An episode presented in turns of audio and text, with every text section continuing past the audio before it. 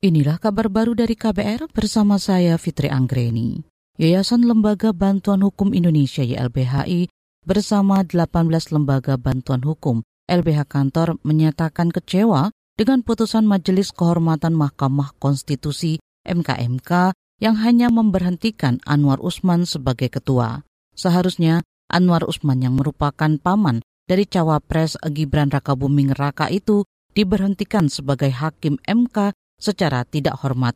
Apalagi Anwar Usman juga sudah terbukti melakukan pelanggaran etik berat. Dalam siaran persnya, YLBHI bersama 18 LBH kantor juga menyebut MKMK melakukan kekeliruan dengan membiarkan berlakunya putusan MK nomor 90 tentang syarat batas usia minimal capres dan cawapres. Selain itu, dengan masih menjabatnya Anwar Usman sebagai hakim konstitusi, tentu akan menjadi beban dan bom waktu bagi MK ke depannya.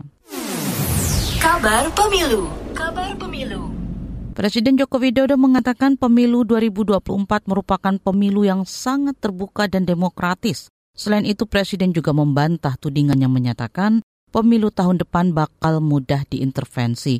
Pernyataan itu disampaikan Jokowi saat pagi tadi membuka rakornas penyelenggara pemilu di Jakarta. Diintervensi dari mana? Di setiap TPS itu ada saksi partai-partai. Semua TPS ada saksi dari partai-partai.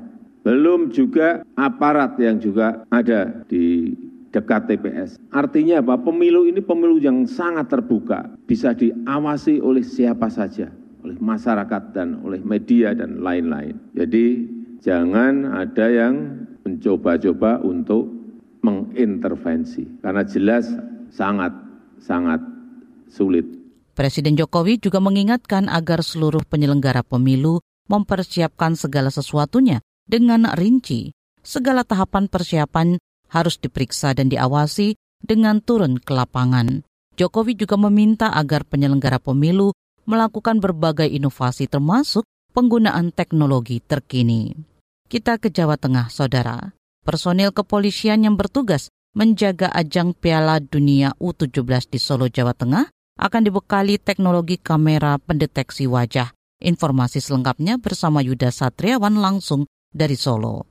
Aparat kepolisian yang bertugas di Piala Dunia U17 di Solo akan dipasangi teknologi pengawasan terbaru. Kapolresta Solo Iwan Saktiadi mengatakan personil yang bertugas di lapangan akan dipasangi teknologi kamera yang terhubung langsung dengan data kriminalitas. Menurut Iwan, adanya teknologi ini untuk mengantisipasi gangguan keamanan selama Piala Dunia Spesifik lagi adalah body worn atau kamera yang melekat pada anggota. Nanti kurang lebih ada 12 unit yang akan kami operasikan pada saat Piala Dunia.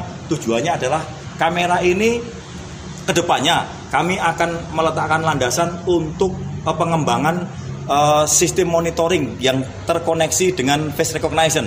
Artinya saat patroli anggota mendapati tangkapan gambar di mana gambar-gambar wajah tersebut merupakan daftar pencarian orang yang terintegrasi dengan Inavis ataupun Densus itu akan segera terdetek di kami. Nanti akan alarm muncul di sini bahwa yang bersangkutan atau di titik mana koordinat itu ada DPO Polri misalnya seperti itu. Nah, lebih lanjut Iwan menjelaskan gelaran Piala U17 ini menjadi pertaruhan reputasi tuan rumah termasuk aparat keamanan. Tim peserta Piala Dunia U17 Ibu Iwan adalah tamu negara. Dari Solo, Jawa Tengah, Yuda Satriawan.